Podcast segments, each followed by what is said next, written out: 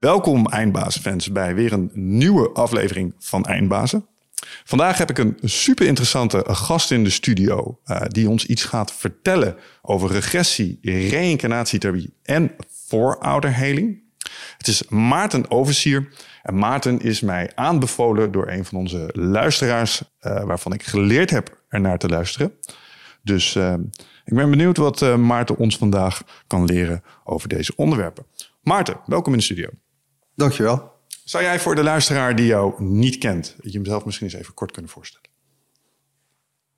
Ja, nou ja, goed. Um, mijn naam had je al goed. Uh, ik hou mij bezig met inderdaad regressie-reïncarnatietherapie en voorouderheling. En um, dat doe ik al een uh, behoorlijke tijd.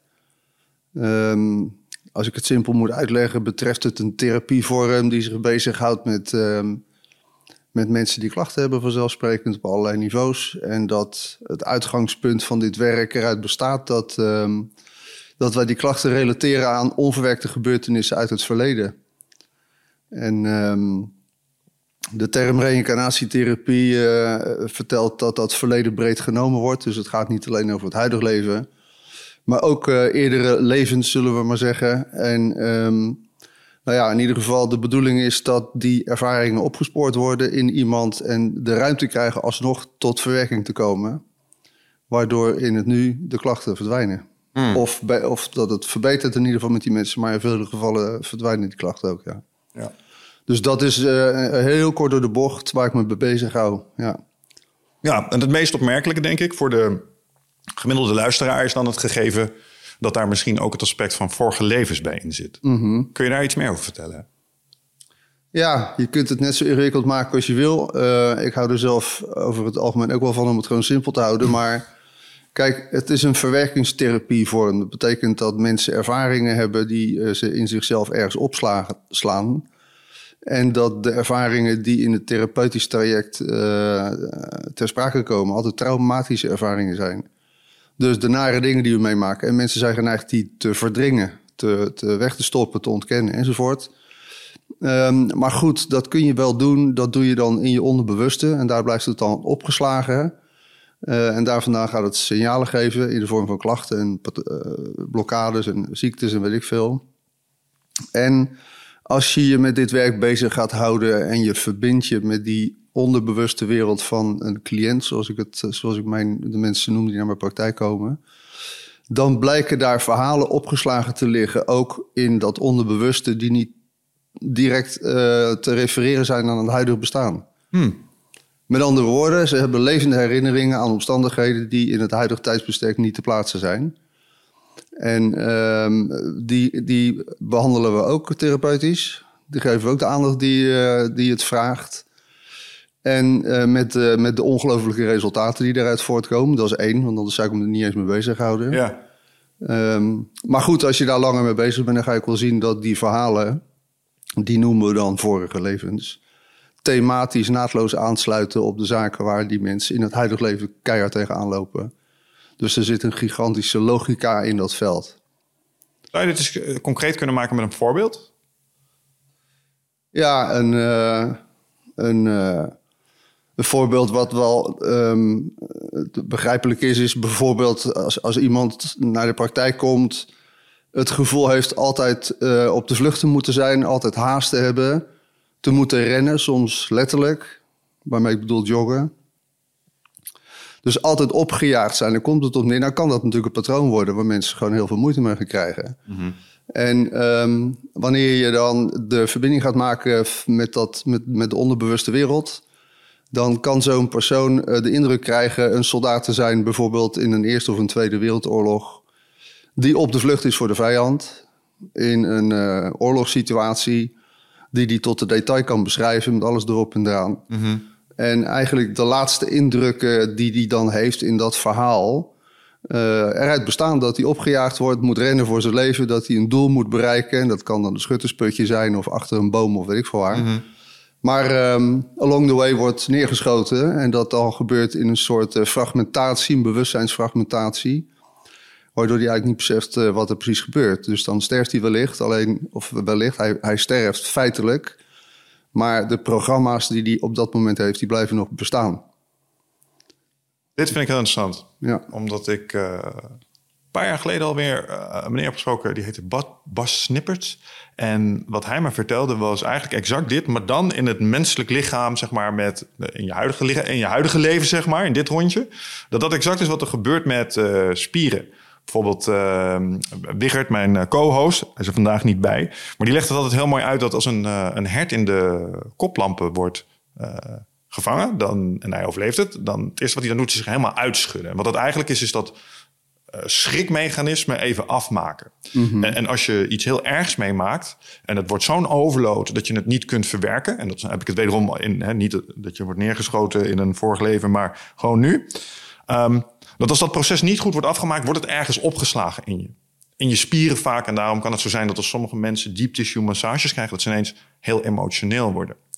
En wat ik jou hier eigenlijk in hoor zeggen, is dat er een soortgelijk patroon, mechanisme, misschien wel werkt op het moment van iets als de dood naar waar je dan ook maar daarna terecht komt.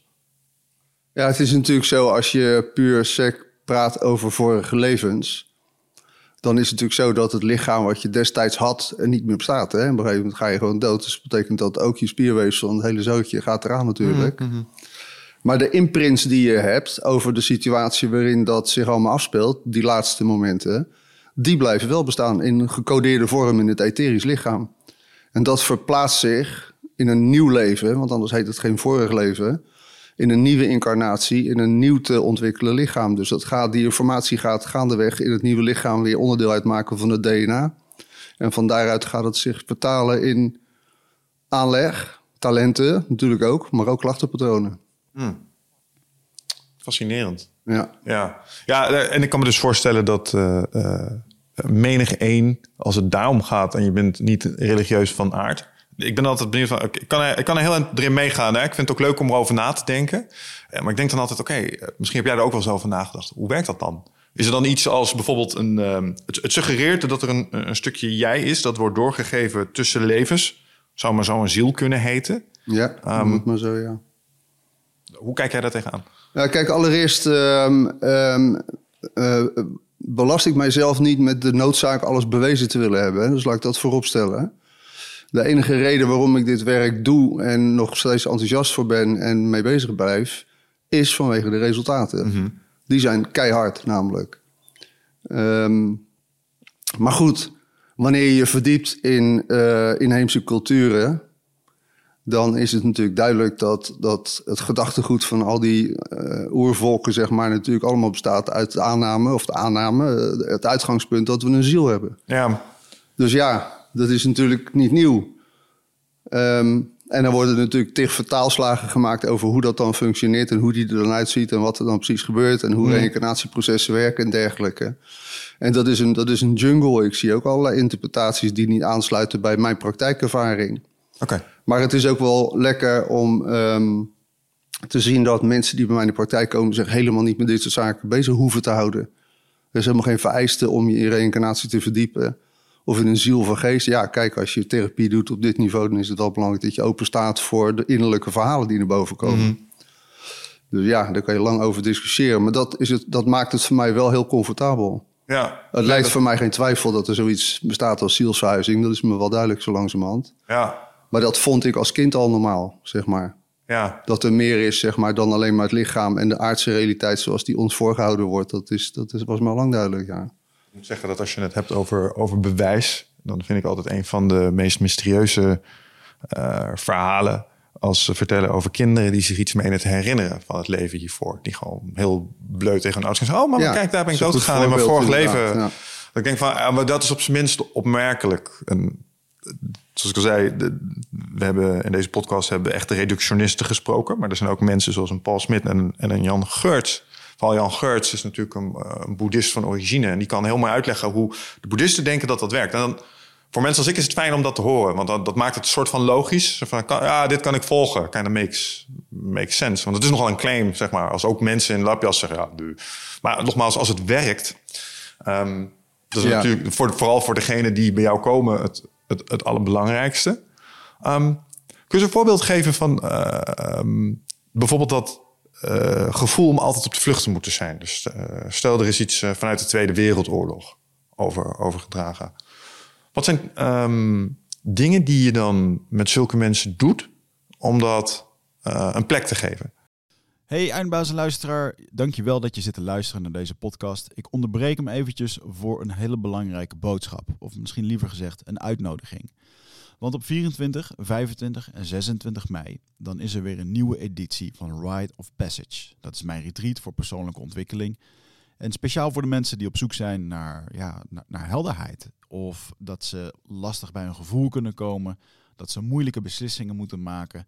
En dat ze zo ontzettend in hun hoofd zitten. Ja, dat ze er eigenlijk gewoon niet meer goed uitkomen. Of dat ze misschien al heel lang in een, ja, een soort van oud gevoel zitten. Dat ze dat gevoel willen transformeren. Of misschien wil je gewoon een oud stuk achter je laten, ergens een punt achter zetten. En ja, zoek je misschien heling op iets wat, wat je te lang hebt weggeduwd of, of hebt vermeden. daarvoor wil ik je uitnodigen op 24, 25 en 26 mei om in een retreat mee te doen waar de inhoud van het programma geheim is. Waar de belofte is dat het oncomfortabel wordt. Want jij begrijpt als geen ander dat als je die volgende stap wilt maken, ja, dan zul je uit de comfortzone moeten komen. En ik garandeer je, laat mij dat proces begeleiden met jou voor drie dagen en je leven zal daarna nooit meer hetzelfde zijn. Gemiddeld beoordelen de deelnemers het met een 9,2. En daar ben ik ontzettend trots op. Er is ook een money back guarantee. Heb je de drie dagen vol, volbracht en vind je het niks, krijg je gewoon je geld terug. Dus het enige risico wat er is, is dat je gelukkiger kan worden. Ik zie je op Bride of Passage. Ga naar wichertmeerman.nl en klik op Retreat. Nou ja, goed, dus in eerste instantie komen die mensen, zoals ik al zei, en als ik me toespits op het voorbeeld wat we er net ingezet hebben, dan krijgen we een persoon die in de praktijk komt en uh, ik ga vragen waarom die komt. Wat zijn de klachten? Wat, wat mhm. is er aan de hand? Hè, die persoon die geeft dus inderdaad aan, ja, ik voel me altijd opgejaagd. En ik kan nooit rustig zijn en uh, ik moet altijd uh, verder en ik moet altijd in beweging zijn en bla bla bla en dat soort dingen. Dus bij inventariseren die, die, die, dat, dat, klachtenspectrum, zeg maar, mm met de erbij behorende gevoelsbeleving. Hè? Dus op het moment dat we ons daarop concentreren, op die gevoelsbeleving die die heeft, dan is het zo dat wanneer die persoon niet op de vlucht kan zijn en wanneer die niet opgejaagd is, er een, bepaalde angst naar boven komt. En dat is een gevoelssensatie die die persoon ook in zijn lichaam ervaart. Dus het gaat altijd samen. En met die. Uh, met die angstsensatie is het uh, niet zo moeilijk om een brug te slaan naar een feitelijke gebeurtenis. Hè, waarvan ik zeg van nou ja, meestal als je ogen dicht zijn van maak eens, maak eens contact met, met je diepere zelf of met je onderbewuste of iets in die, in, die, in die geest. Wat zijn de eerste indrukken die in je opkomen wanneer je dit nu zo sterk voelt? Hè, nou, en dan soms moet het verstand zich er nog even mee bemoeien, want die houdt natuurlijk graag controle. Mm. Dat doet het verstand eigenlijk ook in opdracht van het wezen, omdat bepaalde angsten niet gevoeld moeten worden. Dus vandaar dat mensen soms heel overmatig rationeel willen zijn. Hoe wil je dat? Nou, omdat, omdat je gedachten ervoor kunnen zorgen dat gevoel, gevoelsbelevingen onderdrukt blijven. Ja. Vandaar dat mensen vaak rationeel, nou laat ik zeggen, bovenmatig rationeel moeten zijn. Ja. Alles verklaard willen hebben. Ik voel me aangesproken. ja, het komt, komt vanzelf een keer dan misschien. Ja. nee, helder. Maar ja, um, ja nee, uh, kan ik, kan ik Dus onder die gedachten, zeg maar, dan op een bepaald moment kunnen er indrukken komen van, zoals ik net aangaf, joh, ik heb het gevoel dat ik een einde van de militair ben en dat ik over een slagveld loop te ploegen en dit en dat. En dan kun je daar uh, een verdiepingsslag in maken tot en met het moment dat iemand sterft uiteindelijk. En daar zit dan de angst. Ja. En dan zijn het de laatste indrukken voordat het feitelijk sterven eh, zich afspeelt. Zolang ik ren en zolang ik opgejaagd ben en zolang ik kan gaan, leef ik tenminste nog. Is er een kans? Dat zijn imprints die blijven bestaan. Dus dat betekent dat er een associatie is met opgejaagd zijn, moeten rennen enzovoort en leven. Mm Dus als het zo is dat er een nieuw leven volgt, een nieuwe incarnatie, dan moeten die sensaties ook weer actueel worden, want anders leef je niet namelijk. Anders? Anders leef je niet. Anders leef je niet. Snap je? Je moet opgejaagd zijn. En je ja, moet zo, ja oké, ja. Omdat dat die imprints zijn. Dat zijn gewoon connecties die gemaakt worden met leven. Jouw conclusie is op dat laatste moment: het is belangrijk om te rennen en te vluchten om te kunnen overleven. Dat is een soort kernles die eruit distilleert. Die gooi je over de schutting naar het volgende leven en die neem je een soort van met je mee. Zo zou je het kunnen zeggen. Ja, het is niet eens mijn conclusie. Het is mijn vraag aan die zogeheten soldaat die zich Ja, in de ja. belevingswereld van mijn cliënt afspeelt.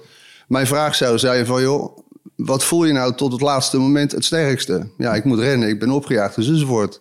Ja. Dus dan kan mijn wedervraag zijn, ja, dus voelens, hoe belangrijk is het in zo'n situatie om nog te rennen en te gaan? Nou, leven is belangrijk, want anders, ja, want anders ga ik dood. ja. Heb je wel eens nagedacht over waarom ehm, er zoiets bestaat als dit soort kennisoverdracht over levens heen? Ja, dat is een grote vraag natuurlijk. Maar kijk, als het zo is dat we meerdere levens leven, dan zit daar natuurlijk een veld van logica achter, die niet geïntegreerd is in onze, in onze eh, rationele manier van naar dingen kijken. Nee. En dat veld van logica, voor zover ik het kan zien, bestaat eruit dat alle zaken die we ooit meemaakten, maar niet geïntegreerd konden worden in ons wezen, wat niet afgerond kon worden, opnieuw de aandacht gaat vragen. Zich opnieuw in bepaalde thematische nesten gaat werken. Ja. Om zichzelf de kans te geven weer een, een stap verder te maken in een bepaald ontwikkelingsproces.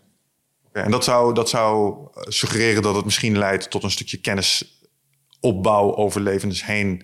Wat ook een beetje is zoals ik het. eh, Zelfverwezenlijking. Ja, ja, exact, exact. Ja, Ja. en dat, is, dat, is, dat klinkt iets eh, minder plat als de verklaring die ik ervoor had. Want toen ik je hoorde zeggen, ja, dus blijkbaar in die laatste imprints eh, leer je dat het heel belangrijk is om op de vlucht te blijven. Oh ja, dat is hartstikke logisch. Want als je er nog, eh, als dat ding wat dit allemaal regelt, weet dat er nog een rondje hierna komt, dan kan het heel handig zijn om dat soort kennis op het laatste moment te kunnen overdragen, zodat je het in de volgende ronde beter doet. Maar dat is heel plat overleven. Eh, en Ja, ik hoor plus- jou zeggen dat het iets, dat, dat klinkt iets hoger, als een, als een hoger doel. Dus dat zit meer in de verwezenling van je mentale spel in plaats van gewoon plat. Precies, ja. precies. Ja, dat is de goede conclusie. Want kijk, als je, dus, als je de, de, de, het voorbeeld neemt van die soldaat... Zo'n zo'n gast die over dat veld loopt te ploegen... en uiteindelijk om zeep ge- geholpen wordt... is misschien 21 jaar, weet ik veel, Hmm. in die tijd. Maar goed, daar zitten nog hele andere levensvragen aan. En die is bijvoorbeeld van... ja, ik deed dit eh, voor volk en vaderland. Hè? Ik, ben, ik ben dit pakje aan gaan trekken voor volk en vaderland... omdat ik dacht dat dat goed was. Maar waar ben ik eigenlijk mee bezig? Dus dat zijn natuurlijk ook bewustzijnsvraagstukken die overtransporteren naar een nieuw bestaan. Oh, ja, ja. En dan kan zo'n ervaring als 21 jaar oude soldaat wel een hele waardevolle les voor je zijn. Als, als je misschien moet leren om voor jezelf te denken en niet zomaar Ja. blind in het gereel te stappen. Exact dat, hè? Maar kennelijk is het soms nodig eerst zo'n ervaring dan te hebben. Dan dat je, dan dat je dat iemand zegt, nou, zou je dat nou wel doen? Hè, We, we zijn ervaringsbehoeftig als mensen, we willen het allemaal meemaken. Dus dat moeder natuur bruut kon zijn, maar dit is wel heel erg eh, harde leerschool. Ja, we doen het zelf. Hè? Niemand die dwingt ons ertoe, hè? Nee, ja, Maar het is zo interessant, want kijk, die soldaat die is natuurlijk in dit voorbeeld, eh, die knul van 21 schetsen we. En het kan best zijn dat hij besluit in het laatste stuk van om een oorlog te winnen moet je hoog geplaatst zijn en, en veel autoriteit hebben. Hè? Want dan eh, ben je geen kanonnenvoer zoals ik nu. Dus dat kan ook nog eens een keer eh, ervoor zorgen dat er een incarnatie volgt waarin je een hooggeplaatste eh diehard bent.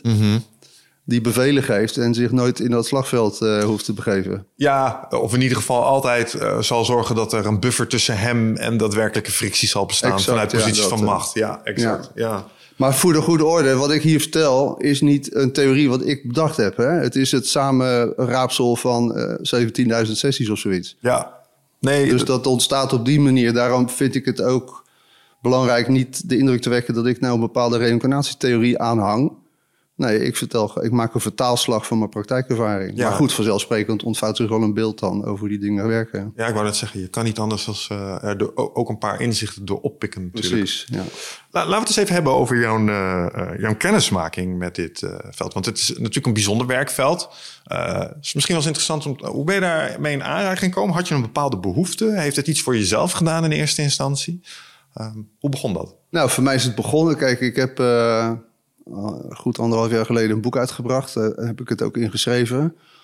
Eh, mijn vader overleed toen ik heel jong was. Ik was 3,5 of zoiets. En toen heb ik uh, vanuit mijn kinderbeleving een soort besloten hem te willen gaan zoeken. Nou, dat is natuurlijk, uh, kinderen denken magisch. Hè? En een volwassene zegt dat gaat niet, maar kinderen denken magisch. Dus ik heb een soort zoektocht ingezet. Um, maar ja, waar ga je dan heen? Hè? Dan is het natuurlijk gewoon op een bepaald moment alles wat mystiek aanvoelt. En alles wat eigenlijk buiten de box mm interessant is. Daar, daar ging ik op af. Tot grote ongenoegen van het familiesysteem waarin ik opgroeide. Die vonden dat allemaal maar van alles, weet je. Dus ik, op een gegeven moment kreeg ik ook wel de sensatie van... jeetje, als je geïnteresseerd bent in al dat soort zaken dan krijg je nul op het request. Daar komt het eigenlijk op neer. Want in een kindertijd zoek je natuurlijk um, erkenning van je directe omgeving. Mhm. Dat was in ieder geval mijn moeder en andere personen uit de familie die daar nog een uh, belangrijke rol hadden. Kortom, uh, ik kreeg de deksel op mijn neus iedere keer. En als ik belevingen had, die had ik, dan noemden ze dat dan fantasie. Ik had veel fantasie. Dus alles wat ik meende te zien, alles waar ik het over had en al, al die zaken meer, dat werd onder het kopje fantasie geplaatst. En daar heb ik heel lang eh, natuurlijk een super gevecht mee gevoerd. Als je dan wat ouder wordt, dan wil je daar ook geen reet meer mee te maken hebben. Um, maar op de een of andere manier is de innerlijke drang om toch nog in die werelden eh, wegwijs te gaan vinden bij mij gebleven. Mm. Je bedoelt, om daarmee te maken te hebben, hebben we het niet over de familie, dan hebben we het over de onderwerpen waar je interesse in had. Ja, zeker. Ik wilde weten over het leven na de dood. Ja. Ik had als kind ook ervaringen dat ik buiten mijn lichaam trad. Ja. Hè, wat heel veel kinderen overigens hebben. Zo, zo spooky is het allemaal niet. Uh, en als ik daarover sprak, hè, de volgende ochtend bijvoorbeeld, nou dat bedoel ik, kreeg ik daar nooit een referentie over. Dus dan wordt dat veld van magie eigenlijk een soort geïsoleerd wereldje onder het kopje fantasie. Mm -hmm. En dan kan er een soort afsplitsing komen, wat heel vaak met kinderen gebeurt. Tussen wat je geacht wordt normaal te vinden en dat wat eigenlijk normaal is, maar wat niet in het paadje past van degene die naar jou kijkt. Die laatste nog één keer. Nou, dus, dus dat, dat je geacht wordt normaal te doen. Dat wil zeggen dat je je conformeert aan, de, aan, de, aan, de, aan de, de rationele structuren die binnen de box bepaald zijn, gedefinieerd zijn. En dat is voor een kind in algemene zin sowieso al heel onnatuurlijk. Dat, dat ambiëren kinderen sowieso niet. Dus kinderen, en zeker die een beetje gedreven en heel extra gevoelig zijn, die, ja, die krijgen een automatische hang om buiten die box te gaan speurneuzen. Ja. Nou, dat bedoel ik. En op het moment dat jij dan uh, daar um, geen erkenning op krijgt, of, of dat, de, dat je daar eigenlijk uh, weerstand alleen maar ondervindt, mm -hmm. dan gaat de behoefte, de beleving van dat spirituele component, dat gaat in een soort geïsoleerdheid terechtkomen. En dat kun je een tijdje parkeren. Mm -hmm. Dat heb ik ook gedaan, maar ja, het is toch gewoon de kop op blijven steken. Ja. En dan ga je, ben je wat ouder en dan ga je interesseren in hoe deden de Indianen dat dan, en de shamanen en de dit en de dat. Dus de metafysische, de magische onderwerpen. Mm -hmm. Dat wat allemaal misschien abstract is, maar tegelijkertijd voor mij echt ook puur gewoon waarheid. Gaat aandacht vragen. En zo ben ik in dit werk gekomen. En ik hou het bij voorkeur ook nuchter, maar ik vind het ook. Ik vind er ook wel wat van dat mensen, als je met deze dingen bezig bent, dat ze dat niet nuchter vinden. Mm -hmm. ja, dan denk ik ook van ja, joh. Ja, Ga en, lekker hierover bedenken. Ja, nee, de, ik snap het helemaal. En, maar tegelijkertijd, uh, het is denk ik niet voor niets dat er, uh, dat er een rol is bijvoorbeeld in een stam om dit soort gedachten ook in leven te houden en actueel te houden voor de mensen. En daarmee bedoel ik het volgende. Wigget is 40 dagen naar een inheemse stam in de Amazone geweest. In de leer gegaan bij een shamaan. juist om dit soort kennis waar jij het over hebt Um, ja, eigenlijk is tot zich nemen om weer, zoals hij dat noemt, terug te komen tot wat het is om ja, puur mens te zijn. Zonder al die constricties vanuit uh, ja, de maatschappij, judeo-christelijke cultuur, weet je wel, wat allemaal wel en wat allemaal niet hoort. Ja. En hoe het gaat met je, uh, met je na de dood en dat soort dingen. En wat voor magische dingen er eigenlijk allemaal nog mogelijk zijn, die we soort van vergeten zijn. Ja, mooi. En, en ik kan dat ook onderkennen, want ik ben een keer meegenomen naar een, uh, een ayahuasca-ceremonie door uh, Wichert. Ben ook nog wel benieuwd hoe je daar tegenaan kijkt vanuit uh, dit perspectief. Um, want daar is die nuchterheid wel echt doorbroken. Dat is nog, eens, nog steeds een van de meest betoverende ervaringen uit mijn leven geweest. Waar ik denk van ja, maar dat voelde echt zo echt. En het ging ook over thema's als dood en hoe dat zit met relaties als je moeder sterft en dat soort dingen. Dus dat was allemaal heel inzichtelijk. Mm -hmm. um, dus ik snap wat je zegt uh, als, als je zegt er is een heel domein van kennis wat een klein beetje door de gemiddelde bevolking een beetje argwanend wordt bekeken, waar echt nog een shitload aan dingen te halen is. Begrijp dat jij dus ook bij Indianen in eerste instantie ben je in de leer geweest of heb je gewoon een paar uh, diepe ceremonies meegemaakt? Wil je er iets over vertellen? Ja, nou, ik heb mij vanaf mijn kindtijd altijd al ongelooflijk verwant gevoeld uh, met uh, nou, Indianen. Hè? Dat was natuurlijk klassiek Indiaantje spelen. Mm -hmm. Mijn broertje moest dan ten gevolge natuurlijk altijd cowboytje zijn. zodat ik die kon doodschieten. Hè? Had jij zo'n uh, geel plastic ja. pijl en boog ook? Met, ja, van met die, dopje erop. En met van die zuignappen eraan, ja, die. En die heb ik eraf gegaan, die, die, die zuignappen. Want ik denk, ja, dat vind ik zo onwijs niet cool. En een punt erop geslepen. Ja, precies. We hadden het maar toen schoot ik niet meer op mijn broertje, hoor. Nee, grappig. maar dit is ook een regressie trouwens, hè? Ik zie hem ook gelijk weer voor me, weet je wel. Ja, mooi. Ik baalde ook altijd, want had je zo'n indianentooi op, weet je, met al die stomme gekleurde dingen, weet je, blauw, groen, om van die, van die pijn in je ogen kleuren. En dat ik toen al dacht van, jezus, dit is gewoon echt zo niet echt, weet je wel. Ik heb nog nooit een echte indiaan gezien met zo'n achterlijke tooi op. Maar ja, dat was het enige wat er was. Maar grappig, als je het over hebt, dan zie ik het allemaal weer voor Ja. Dat is regressie trouwens. Maar ehm, die fascinatie die was er al heel jong dus. Ehm, en, en dan is het natuurlijk een, een speelveld van een kind. Maar op de een of andere manier is het altijd gebleven. Ehm, en toen kreeg ik, toen ik elf was of zo, kreeg ik dat boek van Bury My Heart at Wounded Knee van Dee Brown. Dat is een, eh, een boek waarin eigenlijk voor het eerst heel waarheidsgetrouw wordt weergegeven... wat er nou echt met die, met die inheemse volken, die Indianen, Noord-Amerikaans vooral, gebeurd is. En ik werd zo aangezogen door dat boek dat ik er eh, als het ware mezelf bijna een rol in toebedeelde. Nou, kortom, ik ben altijd heel erg daarmee eh, verbonden gebleven. Ik heb er veel voor gelezen enzovoort. Totdat ik in eh, de eind negentiger jaren een aantal ontmoetingen ook had met Indianen uit Noord-Amerika en Canada. En ja, weet je, of je het nou toeval noemt of wat, hoe je het wil noemen, op een gegeven moment gebeuren de dingen, komen op je pad. En er worden er dingen bezegeld. En ik ben toen ehm, in contact gekomen met een eh, Indiaanse grootmoeder, grandmother Sarah van de Mohawk eh, Indianen. Die mij uitnodigde naar Canada te komen, het reservaat. Daar ben ik toen naartoe gegaan. Begin 2000 of zo was het. En sindsdien ben ik daar eigenlijk jaarlijks teruggekeerd. En ik heb daar veel gewerkt. Ook op basis van traumaverwerking. En ja, vanzelfsprekend onwijs veel geleerd. Ik ben daar gewoon eh, de, de lucky guy geworden. Het is gewoon een soort jongensboek wat, eh, Ja. wat ik ben gaan leven. De, de lucky guy geworden die bij de medicijnmannen en vrouwen op de koffie mocht komen. En heel veel mooie teachings heb ge- ontvangen. En ja, het is gewoon een avonturengebied. Wel confronterend ook hoor, want het is de best heftig natuurlijk in die reservaten. Ja, Maar goed, een uitgebreid antwoord op een korte vraag. Ja, dus, dus ik kom er sinds begin 2000 praktisch jaarlijks. En ja, heb daar heel veel mogen beleven. ja. Wat was er zo confronterend daar? Nou, dat het, het aanvankelijk idealistisch plaatje wat ik hoopte te treffen... vanuit mijn belangstelling voor die volken...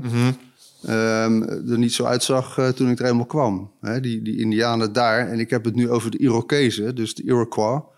of de Haudenosaunee-indianen... die staan er gemiddeld genomen nog goed op... zeg maar, ten opzichte van heel veel andere stammen... Maar er is heel veel eh, onderdrukking en pijn en traumatisering geweest door die volken in die vorige generaties, met name door die, eh, door die boarding schools, die opvoedgestichten. Oké. Daar schrijf ik ook over in mijn, in mijn boek trouwens. En dan zie je de gevolgen van die onderdrukking in de huidige generaties behoorlijk. En dan doet, ja, dat doet het gewoon pijnlijk om te zien hoeveel shit eh, daar nog onder die mensen ook bestaat als gevolg van al die rotzooi die ze daar gemaakt hebben. Ja. Ze, ze bedoel ik dan wel toch de inwerking van die eh, opvoedgestichten door overheid en kerk gerund, zeg maar. Ja, ik ben onvoldoende bekend met eh, de volledige geschiedenis. Maar er is blijkbaar dus een periode geweest waarbij die Indianen een soort van gedwongen zijn geweest om westerse scholing te ondergaan met Precies, eh, ja. doels te integreren, denk ik. Exact, Ja. ja. Niet gelukt. Nou, de traumatisering is goed gelukt hoor. Ja, d'accord. maar de, ja, operatie Ja. geslaagd, patiënt overleden. Ja, maar goed, dus daar weet je de, de, de, de leuze voor de, die, die, die, die er boven het, de, de deur van het, van het schooltje hing, was altijd van kill the Indian and save the man. Ja, oké. Zo, dat, en dat is ook voor een heleboel- mensen wel nou, gelukt. Ik maak hier een aanhalingstekens gebaar, maar Er zijn er zoveel naar de knoppen geholpen op die manier. Hè? Dus dat, dat, dat siddert door, door de generaties. Al die eh, traumatisering, je taal niet meer te mogen spreken. Superveel seksueel, psychisch geweldmisbruik. Totale, ja, hoe zeg je dat? Vervreemding eigenlijk van je oerwaarden. Mhm. En gelukkig zijn er nog heel veel natives die dat opgepakt hebben. Of, of laat ik zeggen, in leven gehouden hebben. Maar er zijn er ook een heleboel die nog steeds eh, het spoor terugzoeken. Ja. Begrijpelijk hoor, maar pijnlijk om te zien. Ja, nou, het is misschien wel een. eh, een eh, ja, ik kan me, kan me voorstellen dat het moeilijk is om te zien. Vooral ook vanuit de. Kijk, dat idyllische beeld dat je hebt van, van een dergelijke maatschappij slash samenleving. Oké, misschien mild geromantiseerd door de boeken, want ik heb begrepen dat ze onderling ook wel echt ernstig gruwelijk konden zijn naar elkaar, Indianenstammen en dat soort dingen. Maar eh, het feit dat er onderdrukt wordt en dat er dus over generaties heen ook een soort cultureel trauma ontstaat. Hè? Even los van het feit dat er individuen zijn die eh reïncarneren, dus ervaringen meenemen, heb je ook nog zoiets als het collectieve bewustzijn. Ehm, waar je volgens mij ook eh, wel eh, mee werkt, als ik het eh, goed begrepen heb in ieder geval. Dus dat, dat er vanuit zo'n ja, zo'n stam, dat er dan dingen zijn die van generatie op generatie ook van invloed zijn op alle individuen daarin. En ik denk dat dat in onze maatschappij natuurlijk ook zo is. Ehm, maar wat zijn. Dus laten we, laten we ervan uitgaan dat dat gewoon eh, een ding is. Wat zijn dingen die jij daar vanuit je werk aan kan doen? Dus, of, of die je daar de lokale witch doctors of shamanen ziet doen om mensen die daarmee worstelen te helpen? Ja, kijk, ik, ik, eh, iemand die vertelde mij ooit een keer van, eh, al daar, van je moet wel in de gaten houden dat alles wat er opgetekend is over de Indianen, in boek of film, ehm, gemaakt is door blanken, 90% ongeveer. Dus dat vond ik wel een mooie, mooie waarneming of zo, weet je. Eh, Als je bedenkt dat die mensen zelf eigenlijk eh, hun wijsheid altijd oraal overbrengen. Ehm, dan is het best wel interessant, dan, want, want ik ben ook door mijn werk, maar zeker ook het onderzoek wat ik daarna, daarnaast eh, breed ingezet heb, sowieso massaal gaan twijfelen aan wat er allemaal verteld wordt over de geschiedenis en wat waar wel niet gebeurd is en zus en zo. Dus ik snap ook dat, dat die Indianen afgeschilderd worden als, als woestelingen en roodhuiden die die niet kon vertrouwen en als erop en dran. Natuurlijk ook wel een gewenste versie is eh, voor de overwinnaar, zullen we maar zeggen, om te veronderstellen. Dus dat, dat op de eerste plaats. En eh, ja, kijk, weet je, het is natuurlijk bijzonder te noemen. Ik zeg dat met alle bescheidenheid, dat ik als, als paleface, bleek gezicht, eh, daar natuurlijk in die stammen ben gaan werken op basis van traumaverwerking. Omdat dat best wel bijzonder is natuurlijk, dat ik, dat ik natuurlijk uit een ander land daar kom, waar zo'n gigantisch mooi cultuurgoed is en gedachtegoed enzovoort. Eigenlijk ook in bepaalde communities om mensen even de impact van die traumatisering van die boarding schools te herinneren. En ja, om dan op je vraag terug te komen. Ik heb ook wel mee- meegekregen of gezien hoe lokale healers en lokale medicine enzovoort met de handen in het haar zitten ten opzichte van de, de zwaarte van de shit die allemaal onder die mensen daar bestaat. Dus dat was best wel schokkend om, eh, om te zien. Dus we hebben daar gewoon hele mooie dingen gedaan. Maar ik heb ook meegemaakt dat mensen eh, vijandig werden uit de community. eh, toen ik daar met mijn werk daar kwam. Want weet je, je wil niet weten. Laten we zeggen dat de kerk daar zo pakweg 500 jaar invloedrijk geweest is. Hoe een gedachtegoed van zo'n instituut, zeg maar, infiltreert in, in, in de wijsheid van die cultuur van zo'n volk. Is fucking sneaky. Dat ga je op een gegeven moment zien. Hoe uitzicht dat eh, met name? Nou, ook wel gewoon dus eh, angst voor vrouwelijke energie bijvoorbeeld. Angst voor, ehm, ehm, zeg je dat, eh, de liefde en de warmte die er is. Ehm, het idee van een opperwezen waar je verantwoording aan af hebt te leggen. Ik bedoel, je kan het vanuit de, de, kerkelijke god, hoe die gepresenteerd wordt, zien.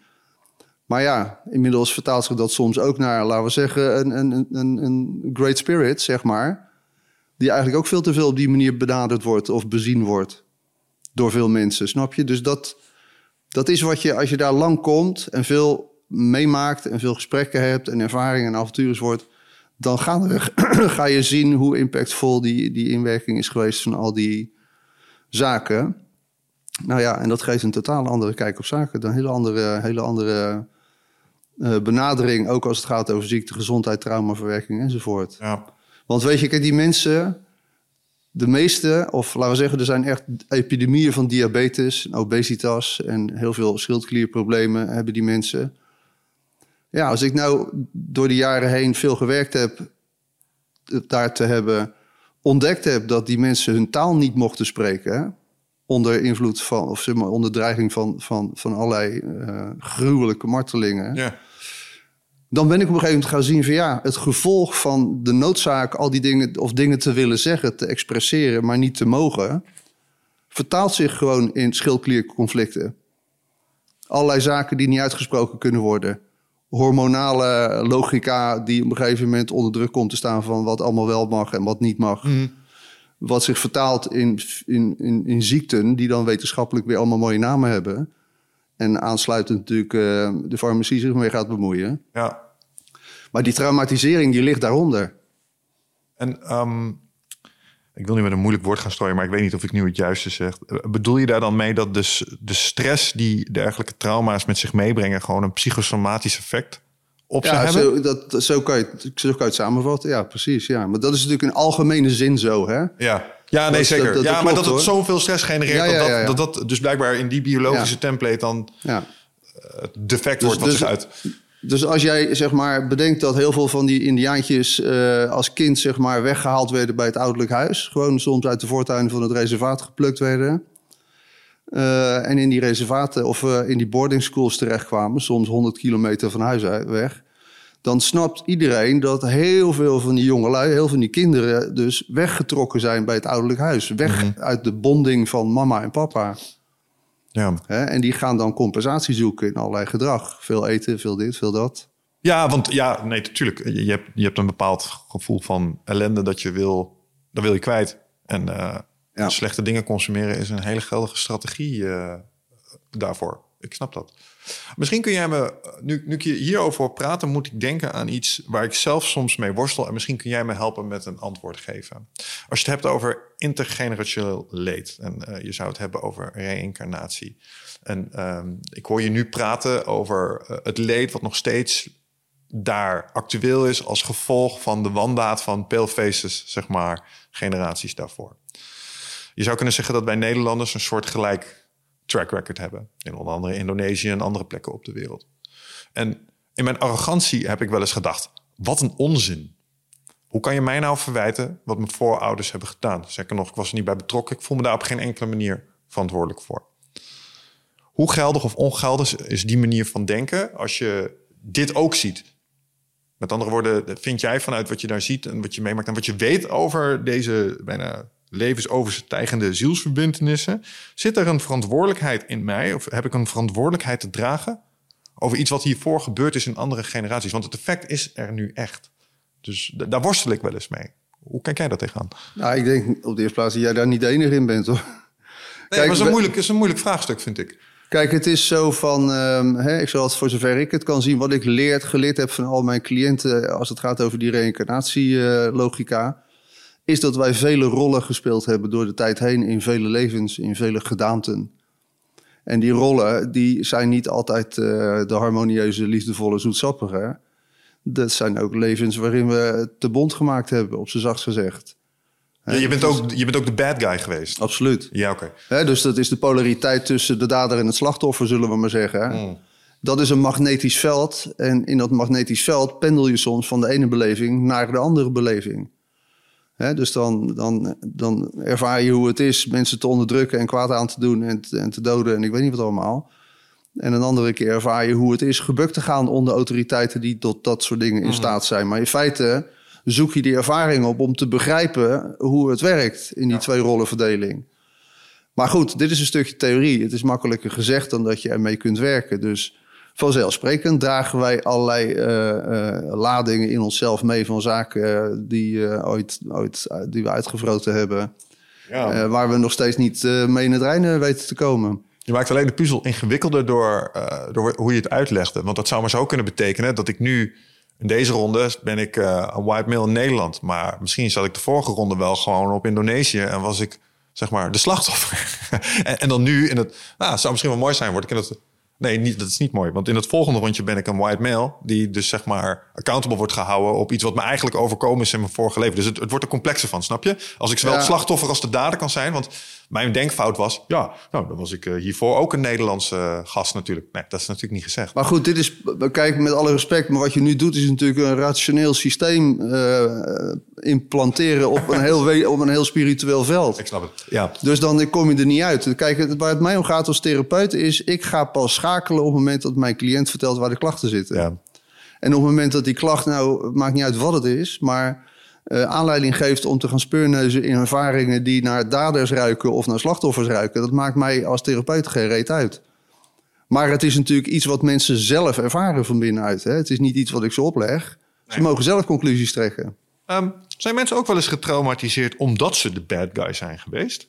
Of is het altijd omdat je de, het slachtoffer was? Nou ja, zeker. Het is natuurlijk eh, de, de bad guy. Hè, die doet bad dingen. En daar hoort misbruik, doden, onderdrukken, manipuleren enzovoort bij. Ja, dat is per definitie traumatiserend.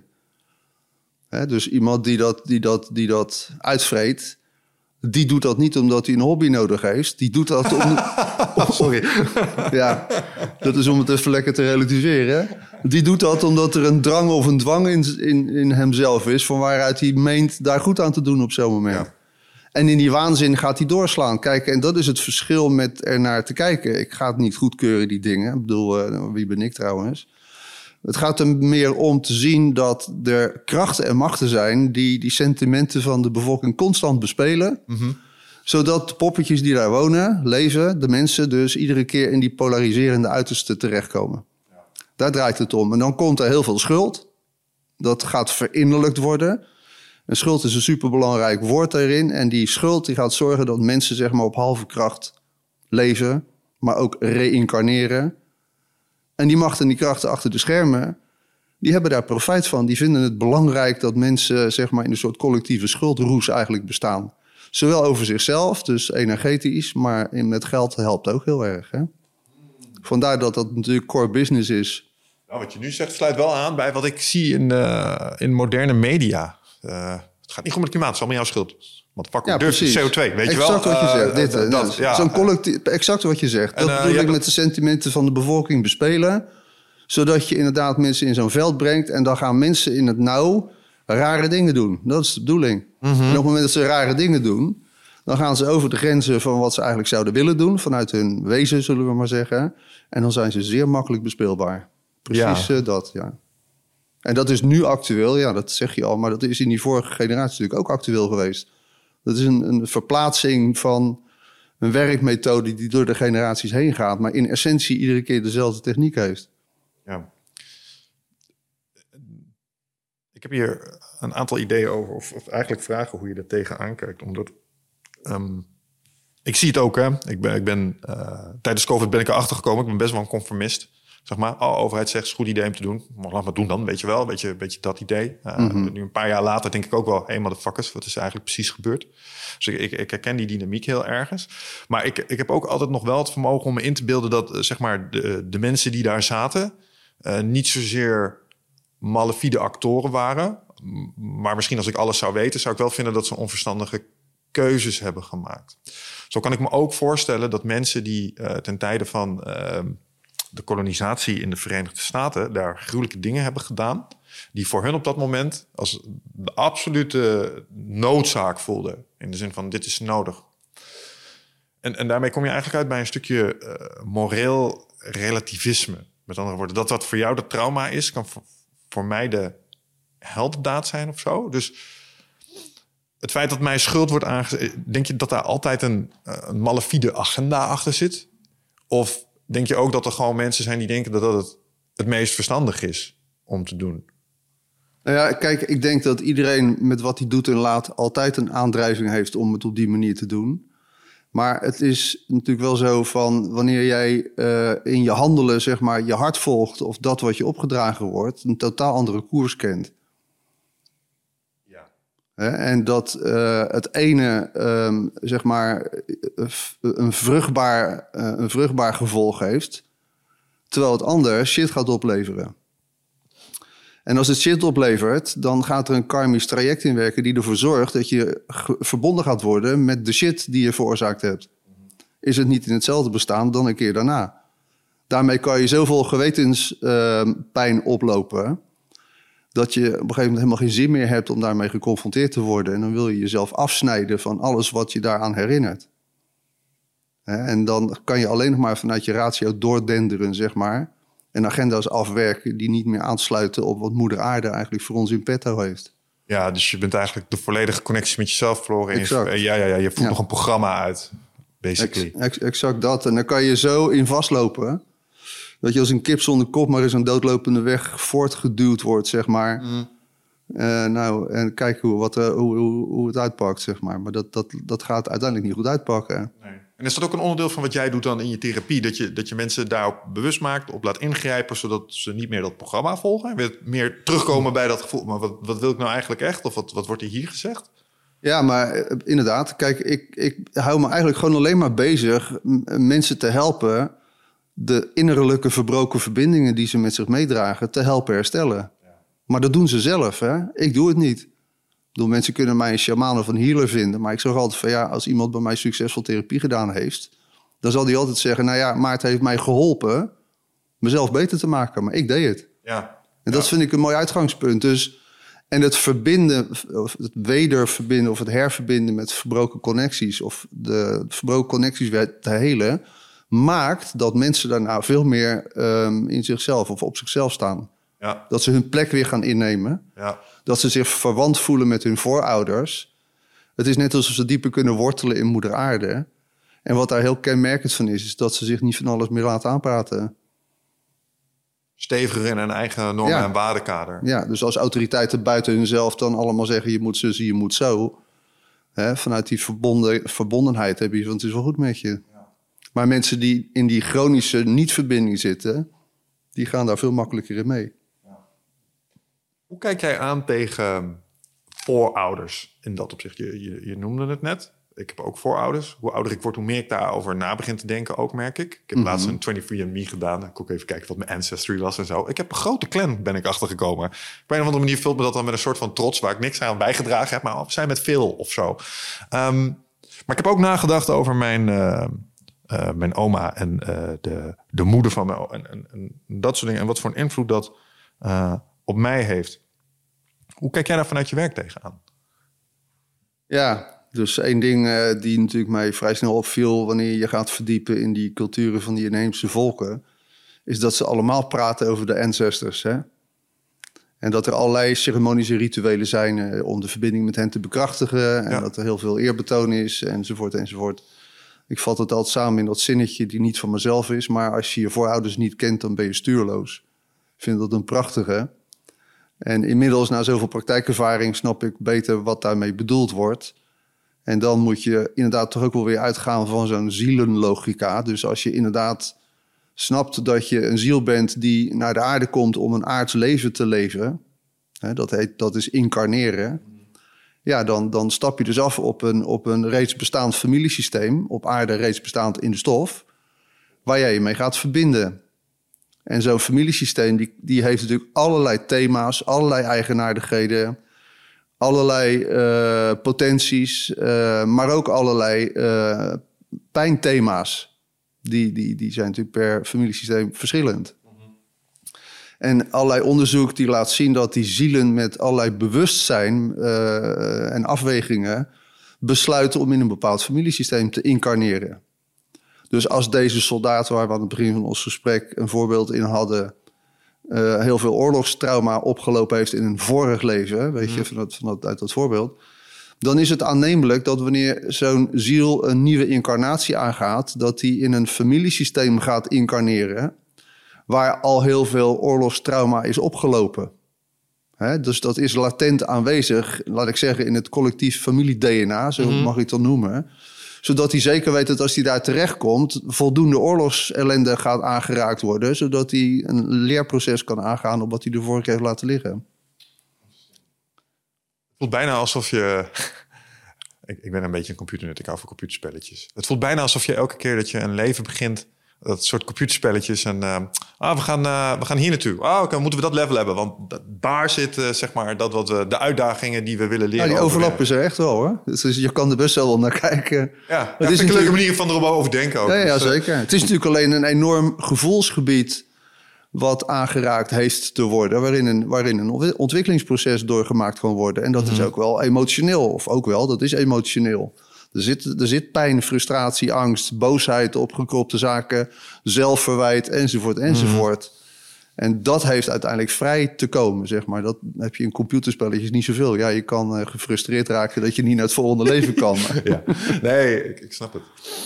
Ja, interessant. Ik, ik weet niet waarom, maar we hadden het net over mijn oma. En ik, ik moet daar ook nog aan denken, omdat... Um, ik, ik, vraag me iets af. Zit er veel oorlog in wat jij tegenkomt in je werk? Of zijn het, of zijn het ook dingen buiten oorlog om? Of is het 50-50 of is het voornamelijk oorlog? Nee, dat is natuurlijk ook wel de hoofdlijn van mijn boek, uh, waarin ik aangeef dat ik zie dat, dat, nou, ik weet niet in procenten, maar de absolute meerderheid, meerderheid van alle klachten waar wij mee zitten, en wij bedoel ik dan gewoon collectief, in mijn beleving collectief de mensen, ja.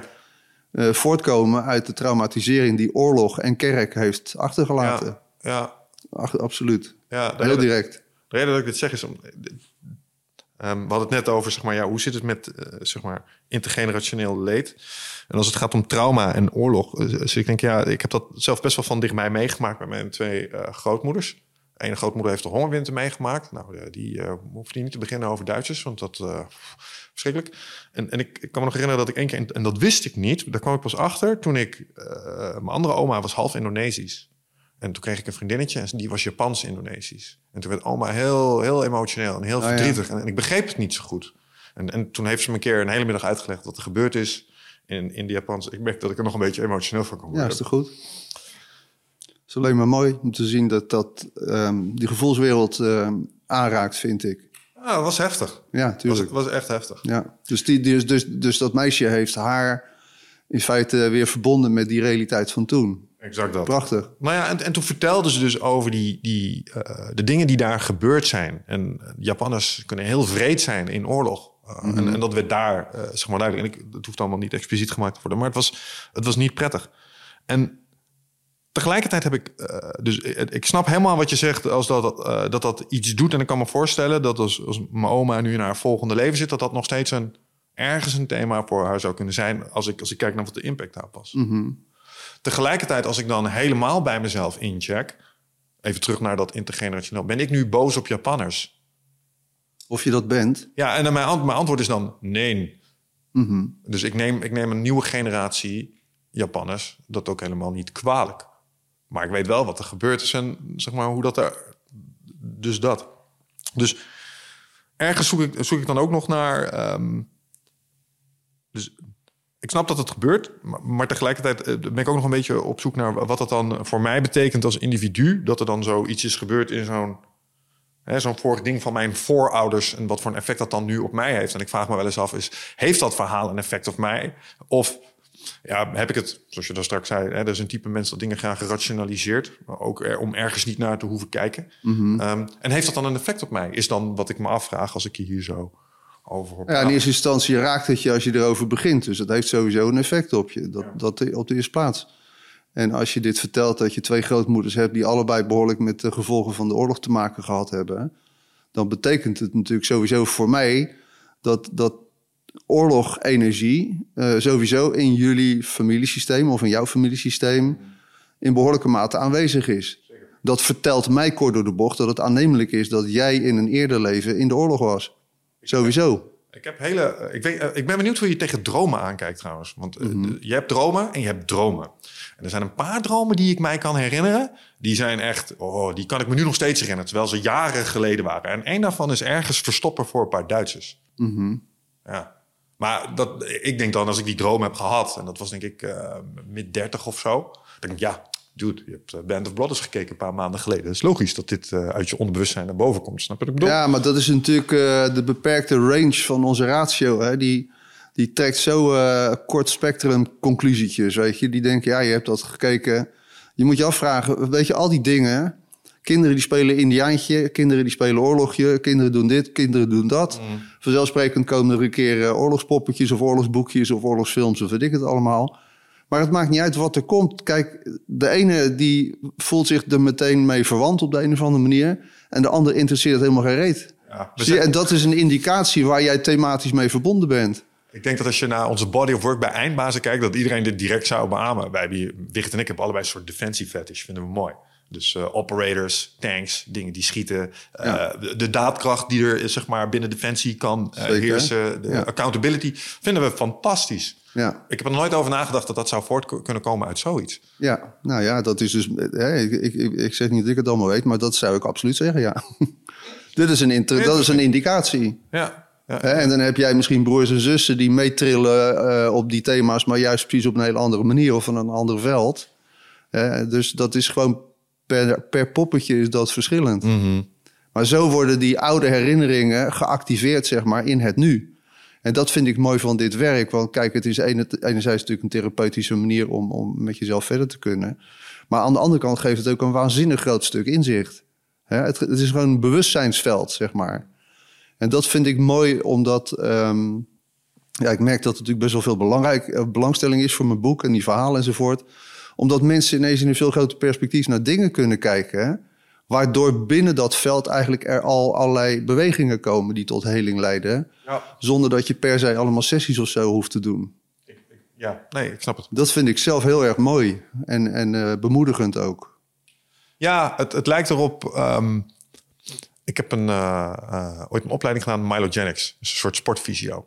En waar je daar leert naar kijken is de anatomische keten. Dus, en dan kan het zijn dat iemand daar vast zit, zeg maar in zijn heup, en dat zorgt voor hoofdpijn. En als je op de juiste plek, zeg maar, klak, die spier weet los te maken, pop, pop, ontspant alles en ineens, ah, de hoofdpijn is weg. Ja. Dat gevoel krijg ik hier een beetje van. ja, dus, als je, dus als je de plek weet te vinden waar die vastloopt, Ja. en je weet die, zeg maar, te releasen. Precies. Nou, een mooie, over, een mooie vergelijking die je maakt. Ja.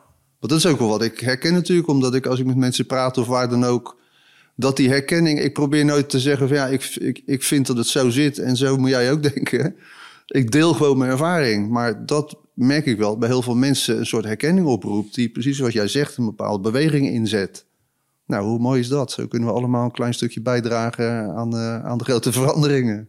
Ja, want als je, als je die beeldspraak zou doortrekken... Kijk, mensen die eh, met een, eh, eh, zeg maar, eh, een beperkte anatomische keten... op sommige onderdelen bij weg is... zou maar zo kunnen zijn dat je niet een hele volledige range of motion kan maken met je schouder. Want dan zit iets helemaal vast. En als je hem dan, dan ineens wel. En als je dat zou vergelijken met wat... dan kan je ineens completer bewegen als mens. Dus je emotionele bandbreedte wordt groter. Of eh, je kan ineens beter tegen sommige thema's. eh, ik, ik weet het niet. Of, ja. Ja, kijk, soms is het super concreet. Hè? En dat is natuurlijk. eh, ehm, ja, ik weet niet, leg ik dat uit? Ik bedoel, een tijdje geleden werkte ik met een, een van mijn studenten uit mijn lesgroepen. Die vertelde al, al jaar en dag ongelooflijk pijn stuitje te hebben. Pijn naar haar stuitje te hebben. En dat was echt wel een enorm ding voor haar. Want daardoor kon ze ook niet goed lopen. En dat was altijd zeurend en altijd enzovoort. Dus daar kun je flink last van krijgen. En zij vertelde mij op een gegeven moment eh, in de leersetting, dus dan zitten we met een heleboel therapeuten, dat haar grootmoeder door een ongeluk, nou ik moet goed zeggen, dat het zusje van haar grootmoeder door een ongeluk om het leven was gekomen, als een klein meisje. En zij was vernoemd naar dat meisje ook nog. Hè. Dat zijn allemaal van die dingen dat ik denk van, ah, daar gaan de lijntjes al. Maar goed, ik zal het lang verhaal kort houden. Dus, dus ik heb op een gegeven moment met deze dame contact gemaakt met dat zusje wat destijds overleed. Die werd dus inderdaad aangereden. Weet je, de details, daar werd niet over gepraat. Dat ze aangereden was, dat was nog zo. En verder praat niemand verder over die dingen. Maar je kunt met dit werk heel gedetailleerd in die aanrijding terechtkomen... om te ontdekken waar dat lijfje van dat toenmalig meisje... nou geraakt werd door die auto. Ja, dan mag je drie keer raden. ja, waarschijnlijk iets met stuitje. In de onderrug, Ja, oh, de stuitje. Hè? En dat, dat, daar heeft ze een optater gekregen. En je kunt, in dit geval ging deze dame ook zo live terug in die oorspronkelijke gebeurtenis... dat het erop leek voor een toezicht eh, of iemand die toekijkt... dat het erop lijkt alsof zij de wezenlijke ervaring van de toenmalige ongeluk aan het herbeleven is. Nou, dan komt hij al. Als je op dat moment vraagt, hey, meisje, meisje, want dat is dan een meisje... Eh, als jij daar nou eh, gewond op de weg ligt, hè, waar doet het dan het meest pijn? Nou, dat is natuurlijk in mijn onderrug. Hè? En dan zeg ik, en wat, wat probeer je nu vol te houden? Ja, nou, dat is mijn zusje, die andere die erbij was, die is hulp aan het halen. Hè? Dus ik moet proberen erbij te blijven. Ik zeg, nou ja, en, voel dan de pijn is. Zolang je dan nog pijn voelt, nou, zegt zij dan ook, weet ik tenminste nog dat ik leef. Hè? Dus dat zijn hele lokale imprints die blijven bestaan. En deze dame ging zo diep in die ervaring en beleefde dat opnieuw. Maar ja, ik vertel dit natuurlijk omdat ik weet inmiddels dat die pijn er niet meer is. Hoe meer ik podcasts ik hierover opneem, hoe meer ik tot de conclusie kom dat je een moment van sterven een soort examen is. Heel mooi, ja. Ja, je kan het zo wel zeggen. Ja. Een soort uh, een, een, heel gecomprimeerd moment waar heel ja. veel conclusies en heel veel overtuigingen en heel veel dingen ingeprint worden, letterlijk. Ja. Doorsta je zoals je leeft. Dus zoals ja. je leeft, zul je sterven, waarschijnlijk. Ja, precies. En, en, en, als je het daar op de juiste manier doet, is dan het idee weer van de echte boeddhisten. Dan kan je misschien wel een treetje hoger komen. Ja. Als je dat bewustzijn weet vast te houden. Ja, maar dat is natuurlijk ook van over het boeddhisme. Uh, het, ook daar hoor ik interpretaties en verhalen waar die lang niet altijd aansluiten bij hoe nee, ik het in mijn praktijk te zien krijg. He, want, want de behoefte om spiritueel te stijgen, zeg maar is ook een hiërarchie. Hè? Een witte hiërarchie noem ik dat, weet je. Er zijn ook heel veel mensen die proberen dat na te streven... hoog te trillen en hoog te zijn en dit en dat. Ja, en ik vind dat over het algemeen vind ik daar wel wat van. Want ik merk meestal dat hoe groter die behoefte is... hoe meer mensen weg willen van, van, de, van de schaduwkanten in zichzelf. Hè? Ja, ik geloof 100% dat het voor sommige mensen een copingstrategie is en een identiteit. Ja. Om ergens houvast aan te hebben. I get it. Um, tegelijkertijd heb ik nu zelf ook wel ervaringen waardoor ik niet 100% zeker durf te zeggen dat er niet iets is wat of bereikt zou kunnen worden of waarmee gecommuniceerd zou kunnen worden. Met Jan Geurts. En ik ben benieuwd hoe jij dat tegenaan kijkt, ook vanuit je ervaring met um, hoe de Indianen dat benaderen. Kijk, mijn theorie inmiddels is dat, dat het maar zo mogelijk zou kunnen zijn dat er dingen zijn die misschien niet zichtbaar zijn voor ons, die zich tot ons verhouden zoals wij ons tot katten verhouden. Mhm. Dus uh, wij kunnen naar een kat kijken, denken we, oh, dat lijkt een beetje op ons. Het kan jaloers zijn, het kan speels zijn, het kan vrolijk zijn, het kan een beetje knorrig zijn. Je kunt het aaien, het kan spinnen. Super schattig. En zo kunnen wij er naar kijken, maar we zijn duidelijk veel bewuster als een kat. Um, als je met spirituele leraren in aanraking komt, die ook wel eens naar gene zijde gaan, dan zeg je ja, maar daar, daar heb je ook allerlei dingen. Uh, bijvoorbeeld Wigert, die heeft een mooi verhaal verteld in deze podcast over Yushibu. Dat is een, een bosgeest, zeg maar. Hele, maar die is veel bewuster als wij. En die heeft zeg maar, het regenwoud onder zijn hoede. En uh, daar kan je mee uh, in communicatie treden. En die kan je wijsheid geven. Um, en eerder was ik daar ook best wel... Nou, ja, natuurlijk. Tot, totdat je een paar ervaringen hebt, denk je... Oh, holy shit. Um, en, en dan leg je uit, ja, het zou maar zo kunnen zijn dat mensen naar hogere niveaus doorklimmen. Maar wie zegt dat daar niet al ook dingen zijn? Dus als je ook hè, meerdere dieren kunt hebben op een wereld, waarom niet? Hoe kijk jij naar dat stukje uh, ja, kijk, ik vind dat be beleving?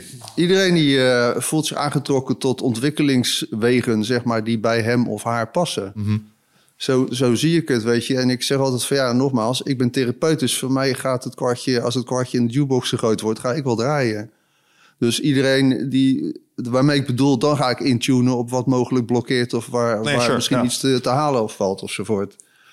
Ik wil alleen maar aangeven in algemene zin dat ik wel zie dat er heel veel misvatting is over die zogeheten spirituele logica.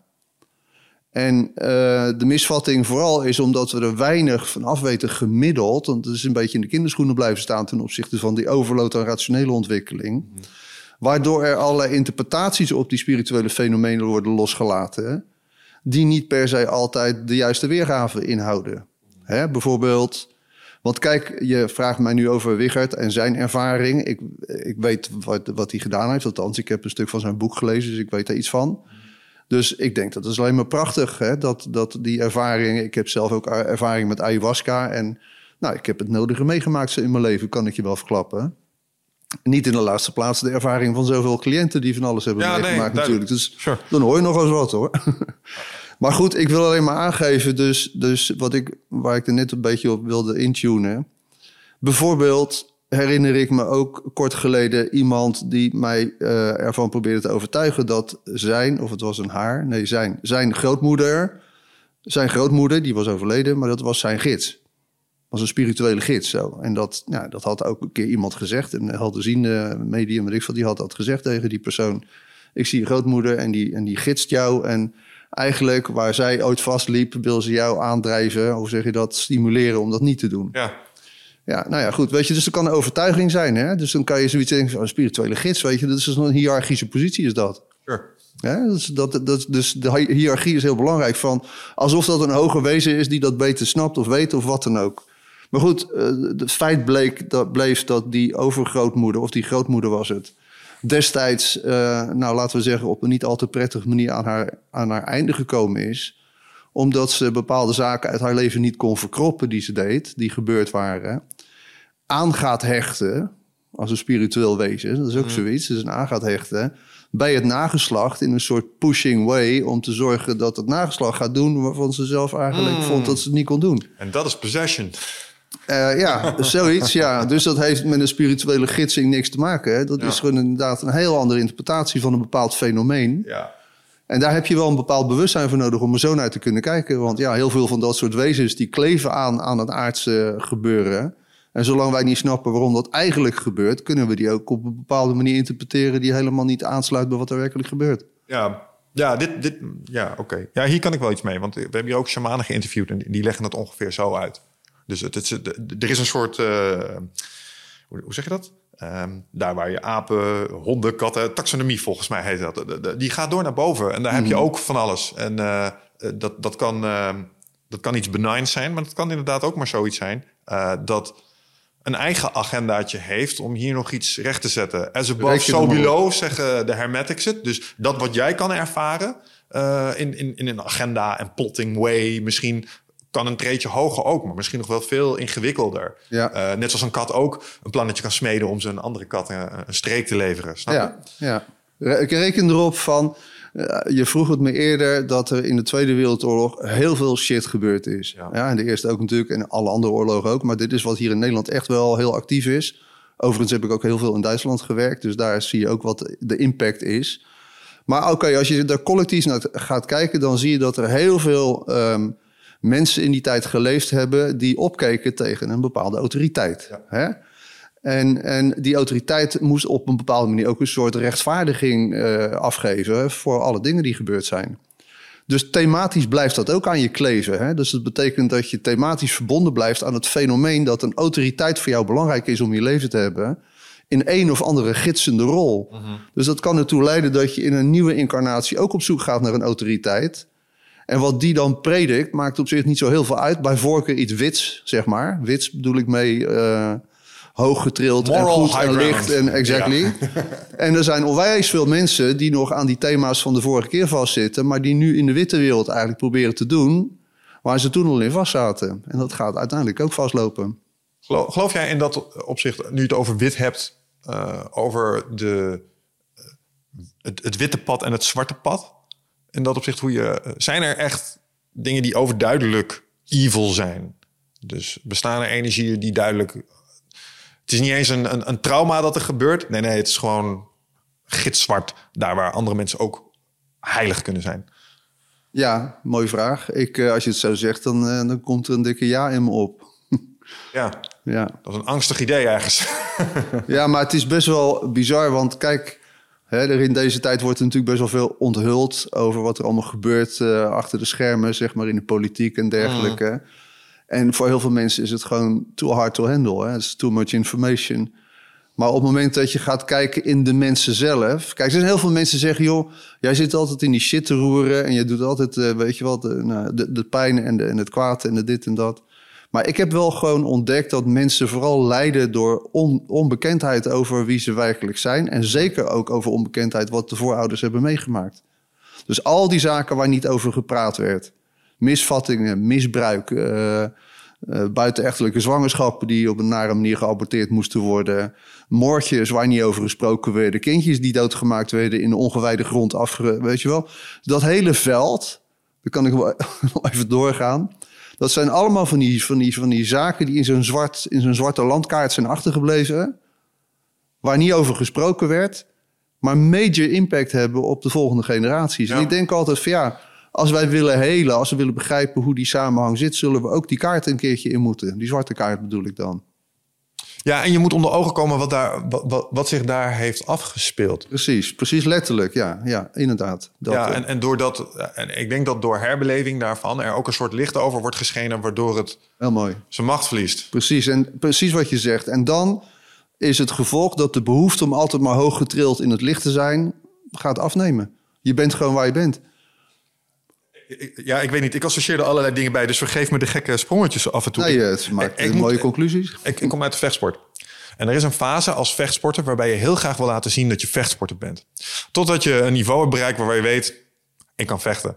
En dan ineens verdwijnt die behoefte volledig. Mm Daar moet ik even aan denken als, als je dit zo zegt. Ja, het zou kunnen, ja. Dus dat het is ook een bepaalde onzekerheid over je onbekwaamheid... en dat je er daarom maar zo in etaleert. zeg maar, van ik ben ermee bezig, zie wel, ja, I'm working on it. Ja, dus, ja oké. Interessant. Ja, dat is interessant wat je zegt inderdaad. Ik, het, het, kwartje valt een beetje wat je zegt. Maar precies wat je zegt, op het moment dat je bekend raakt... ik noem het maar even de zwarte landkaart... weet wat daar gebeurd is... En dan hoef je niet alles te weten. Wat jij hebt te weten is wat er in jouw familiesysteem aan thema's zich heeft afgespeeld. Dat is, dat is waar het over gaat dat de behoefte om hoog te trillen afneemt. Dat je gewoon bent waar je bent en dan is het goed. En dan ga je veel meer op je eigen koers verder. Ja, ja de, de vraag die mij dan direct reist is: is dat ook oké als afhankelijk van eh, welke stroming je gelooft. Maar ik, ik voel ook wel een behoefte in mijzelf om altijd naar een. Uh, om, te, om te groeien, om te ontwikkelen. Dus ergens denk ik, ja, misschien moet dat Misschien kijk je er anders tegenaan. Het zou misschien wel een streven moeten zijn. Maar misschien kan je het alleen bereiken vanuit rust. Dus op het moment dat je het najaagt, zoals zand in je hand. Als je erin gaat knijpen, stroomt het tussen je vingers door. Dus je moet het te laten liggen als je het wil behouden. Dus dat zal de paradox dan wel zijn. Ja, plus dat iedereen natuurlijk een eigen definitie heeft van wat groei is. Exact. Hè, dus natuurlijk ook, uh, ja. ja. Dus dat, daar, daar hangt het voor mij vanaf dat, dat snap ik, maar ik denk wel dat ik het met je eens ben. Dat, want dat is iets wat je daar straks zei. Dat over al die stromingen en dergelijke heen zijn er ook wel bepaalde patronen. Dus of het nou de boeddhisten, de shamanisten of misschien zelfs wel de christenen vragen. Uh, die dualiteit goed kwaad is overal. Dus en dat is een patroon en dat zullen we overal misschien wel terugzien. Dus ik denk dat daar misschien iets voor te ja, Ik denk heel veel van die religies uh, en die doctrines in het leven geroepen zijn door machten en krachten achter de schermen om ons gevangen te houden in een idee dus dat is meer hoe ik er naar kijk. En dat, dat, dat heeft een heel andere betekenis uh, gekregen. Voor heel veel mensen is een ontwikkeling stoppen met je ontwikkelen in allerlei dingen. Dat, dat is, dat is uh, ja. Kijk, jij bent, uh, vecht, je hebt een vechtsport gedaan. Ja, daar ben je toe aangedreven. Hè? Je hebt een motivatie gehad om dat te willen ontwikkelen. Ja. Nou, ik denk, ja, het zou best kunnen dat je dat hebt willen doen... omdat je de vorige keer in een ander leven toen je ging vechten... het onderspit deelde. En dat is blijven liggen. Godverdorie, als ik uh, getraind was of ik had het gekund, dan had, dan had het zo niet afgelopen. Ja. Dus alles wat je ontwikkelt, maakt niet uit wat het is. Hè, ik ben zelf chef-kok geweest. Ik heb me altijd in die keuken gewerkt. Nou, ik weet ook wel dat dat voortkomt uit levens en ervaringen waar niks tevreden was. Zie je, alles heeft onder andere, ja, ja. Alles heeft oorzaak, gevolg. Maar op die manier leer je ook wel van het leven natuurlijk. En dat is nog iets, daar hebben we het nog niet eens over gehad. Nu hongerwinter, nu we het daarover hebben. Ik mij is ooit een keer verteld dat als je voorouders ook bijvoorbeeld echt iets hebben meegemaakt als een hongerwinter, dat zelfs op genetisch niveau, epigenetica noemen ze dat, gaan er switches aan en uit. Zeker. Die, die een effect hebben op je eh, metabolisme en uh, op bepaalde psychische pre... Uh, hoe zeg je dit? Disposities. Dus sommige mensen hebben een neiging om een bepaalde opvliegendheid te hebben of zo. Zou maar zo kunnen voortkomen uit iets wat op die manier door ja, voorouders is ervaren is ook fascinerend. Maar dus kijk, je noemt het woord epigenetica. Dat is natuurlijk super relevant in dit werk. Hè? Dus dit epigenetica vertelt dat omgevingsinvloeden bepalend zijn voor de schikking van je DNA. Mhm. Dus vrij vertaald uh, je gedrag. Ja. En ook je gedragseigenaardigheden. Dus ja, de hongerwinter is daar super bepalend in geweest voor heel veel mensen. Hè? Nou, je, je weet hoeveel eetthema's er zijn natuurlijk. Bulimia en anorexia voor zover ik ermee te maken gehad heb in mijn praktijk, is 9 van de 10 keer relateerbaar aan voorouders die in de hongerwinter zaten. Ja. En is het dan in jouw werk ook zo dat als je dit te pakken hebt gehad, dat het de angel bleek en je hebt hem eruit gehaald en nu kan het ineens genezen? Of is het daarna nog, ook nog wel doorwerken met, uh, met therapie? Maar is, in, of is het bot gezet uh, ineens? Nou, in principe is het zo, en dat is ook wel mijn streven waar ik kan, dat wanneer de angel eruit is, uh, je ook verder niet meer hoeft te onderhouden uh, wat, er, wat, er, wat er nog is. Ja. Dat is het gewoon. Dan gaat het leven zijn aanvang weer krijgen. En meestal als een angel eruit is, gaan er weer nieuwe deuren open ter ontwikkeling, nieuwe avonturen. Ja. En dan kijk je erop terug. Hè, dat alles onderhouden moet worden, is ook een overtuiging natuurlijk. Maar goed, het is wel zo dat die angeltjes eruit halen soms even een klusje is, dat wel. Ja. Maar er zijn natuurlijk heel veel mensen die, zeg maar, allerlei regulerende methodes hebben om tegen hun klachten in te zetten. Ja, daar haal je de angel er niet meer uit. Nee, ja, Jan Geurts had hier laatst een fantastisch lijstje waar ik me aan alle drie schuldig had gemaakt. Risicozoekend gedrag, verdovende middelen en overmatig interesse in seksualiteit. Zijn, reden, zijn manieren om dat soort dingen toe te dekken. Ja. Van fascinaties daarmee. Welvaart nastreven, dat soort dingen. Ja, ik weet, niet, eh, ik, ik weet niet wat hij daarover zegt of zo. Maar mijn aanvliegroute is van... Ieder, ieder gedrag wat beperking oplevert... waar je, waar je vast in komt, kent een oorzaak natuurlijk. Seksualiteitsverslaving of weet ik het allemaal... kort door de bocht eh, is een compensatie van de niet-verbinding... die je van huis uit hebt gevoeld.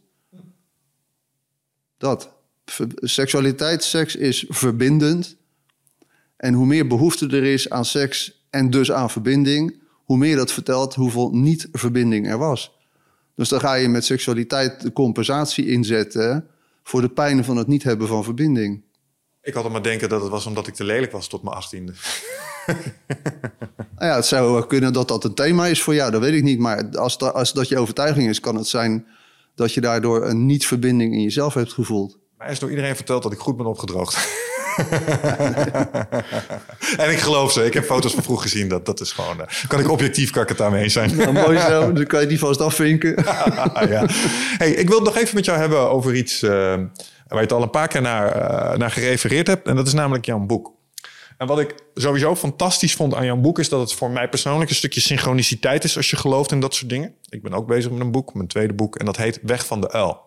En ik zat te twijfelen over... Ja, Weg van de Uil. Het gaat over leren. En ik zat heel erg te twijfelen over Weg van de... En toen zat ik in mijn prep met jou en toen kwam ik hem weer tegen en dacht ik, ah, fantastisch, want jouw boek heet De Weg van het Wiel.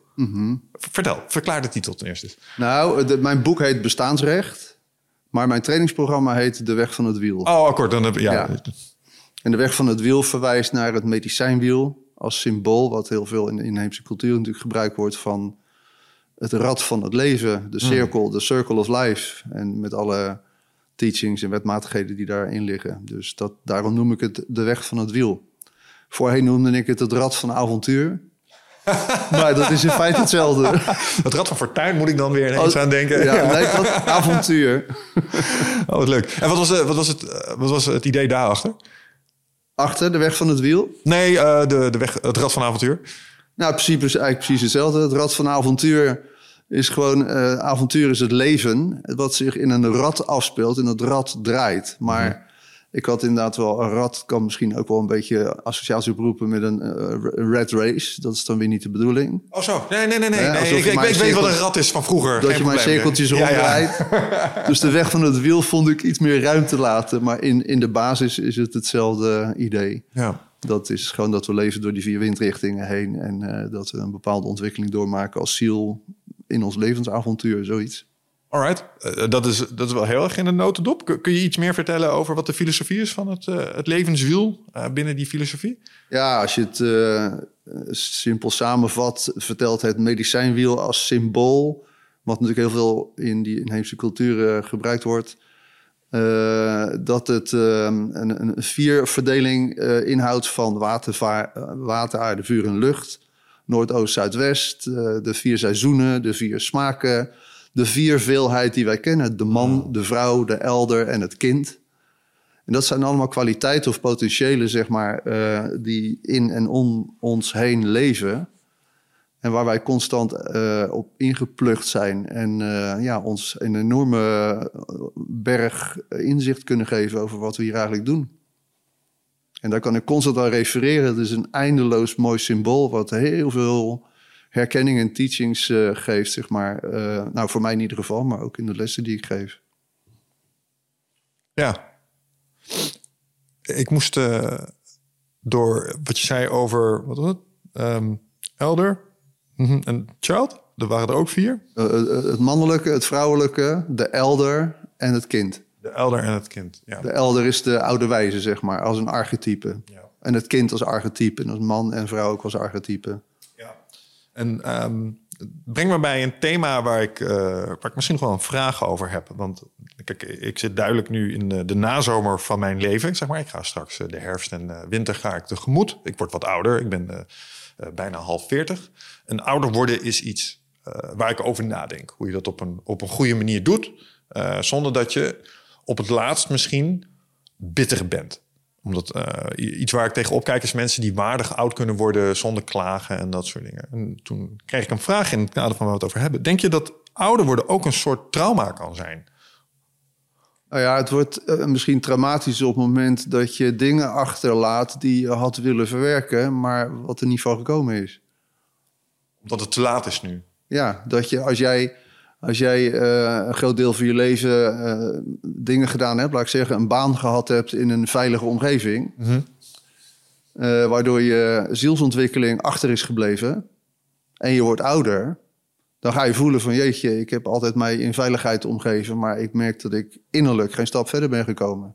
Mm. En dan wordt het lastig om ouder te worden, want dan kan je niet opnieuw aan dat traject beginnen.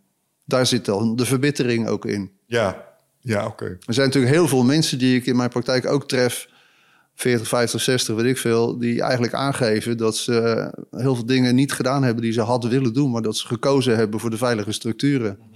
Bijvoorbeeld een overheidsgerelateerde baan, waarin je zeker bent van je hypotheekje en je ditje en je datje. Nou, in deze tijd staat alles op de schop natuurlijk. Ja. En op een bepaalde manier snap ik dat dan ook wel weer. Ja.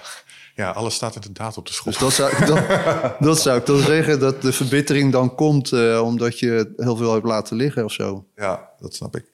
Ja. Trouwens, voor de luisteraar die zich afvraagt waarom staat alles momenteel uh, behoorlijk op de schop. We nemen deze podcast nu op in uh, april 2023. En uh, er is een bol gaande als het gaat uh, om AI en dat soort dingen momenteel. Dus uh, de wereld zou maar zo eens binnen een korte tijd volledig op zijn kop kunnen staan. Ja, hij is, ja. Wel, hij is wel aardig aan het kantelen. Hè? Dat is wel heftig, hè? ja. Interesting times. Ik geloof dat Chinezen tegen je zeggen als ze je niet moeten... mogen je in interessante tijden leven. ja, precies. nou, dat is gelukt, jongens. ja, ja, mooi. mooi. Um, even kijken. Ja, dus over dat, dat, dat, dat ouder worden. Um, Denk je dat als je iemand bent die uh, zichzelf in de winter van zijn leven schat, dus je denkt, nou, is niet, misschien niet super veel tijd meer, maar ik herken wel iets in wat deze meneer zegt, dat ik misschien uh, keuzes heb gemaakt die niet optimaal waren in mijn leven. Denk jij dan dat het. Um, kun je nog steeds corrigeren? Op het laatst ook? Ja, zeker wel, tuurlijk. Ja. Ja, dingen die zullen misschien wat gaan oppotten. Maar kijk, en het is ook best wel goed om een keer verkeerde keuzes te maken. Hè? Want dan kan je gewoon uh, daarna um, gaan verlangen naar een andere uitkomst. Of zo, weet je? Dus je moet af en toe gewoon op je bek gaan natuurlijk. Wel. Het is alleen wel zo dat de manier waarop de wereld ingericht is... door allerlei uh, autoriteiten, zullen we maar zeggen... Um, nou niet echt een appel doet op onze zielsontwikkeling. Echt het gevoel dat je een beetje anti-establishment bent. Uh. ja, dat heb je wel goed gevoel, denk ik. ja, nou ja, ik kan je geen ongelijk geven. Dus in toenemende mate geen ongelijk geven. Ja, we worden van kinds af aan natuurlijk eigenlijk afgeleid van onze zielsontwikkeling. Ja. Hè? We worden eigenlijk heel snel uh, klaargestoomd om een bepaalde positie in, die, in, de, in, de, in de maatschappij te nemen... die door multinationals wordt geregeerd waarmee we onze levenskracht eigenlijk investeren in een verkeerde agenda. Ja, mijn stelligste hoop daar is dat we door die investering te doen, uiteindelijk tot een technologisch niveau komen waarbij we iets kunnen bewerkstelligen wat een post-scarcity samenleving met zich meebrengt. Ja, en dus mensen. Zullen het zien? Ja, ik, ik, snap dat voor sommige mensen dit een naïeve hoop is, maar uh, ik, ik, snap hem. Ik snap hem. Um, duidelijk. Iets, iets wat ik je nog wilde vragen, en dan uh, moeten wat mij betreft ook richting een, uh, een afronding gelet op de tijd, is uh, je had het over psychedelische ervaringen. nou, ik kon je gelaatsuitdrukking zien dat dat op sommige onderdelen impact op je heeft gemaakt, zoals die dingen dat kunnen doen. Um, wat is een van de meest prominente inzichten die je daar hebt opgedaan? In die psychedelische ervaringen? Ja. Um, even kijken, wat vraag je, wat de inzichten zijn. Nou, de ervaring die ik er zelf mee heb, heeft in ieder geval uh, bevestigd dat wij in onze normale cognities veel te vastzitten in structuren en patronen. Mm -hmm. Waardoor we maar een heel klein deel van het, het hele spectrum te zien krijgen van wat werkelijkheid is. En tot op zekere hoogte is het misschien ook een soort beschermingsmechanisme. Ja. Maar op het moment dat die grenzen eh, vervagen, dan uh, ja, krijg je vrij snel inzicht in allerlei zaken. Die in feite ook dit werk bevestigen. Hè? De, de, de, andere werelden en de beeldvorming Ja. en taferelen. En ineens uh, voorouders die zich aan je verschijnen met bepaalde boodschappen. Die je normaal gesproken niet zou begrijpen, maar ineens een andere context krijgen. op Ja. het moment dat de, dat de grenzen open gaan. Nou, dat soort zaken. Dus, um, maar goed, ik denk ook wel dat bijvoorbeeld Nederland is natuurlijk een behoorlijk geconditioneerd volkje. Uh, behoorlijk rationeel ingesteld.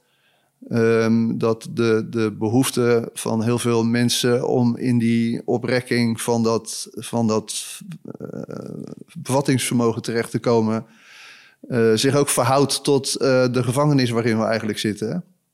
Over het algemeen, in structuren en patronen mm. enzovoort. Dus ik weet niet, ik denk dat het ook wel um, goed is om te weten wat je doet. Laat ik het zo zeggen. Maar voor inheemse culturen is het vanzelfsprekend, in sommige althans.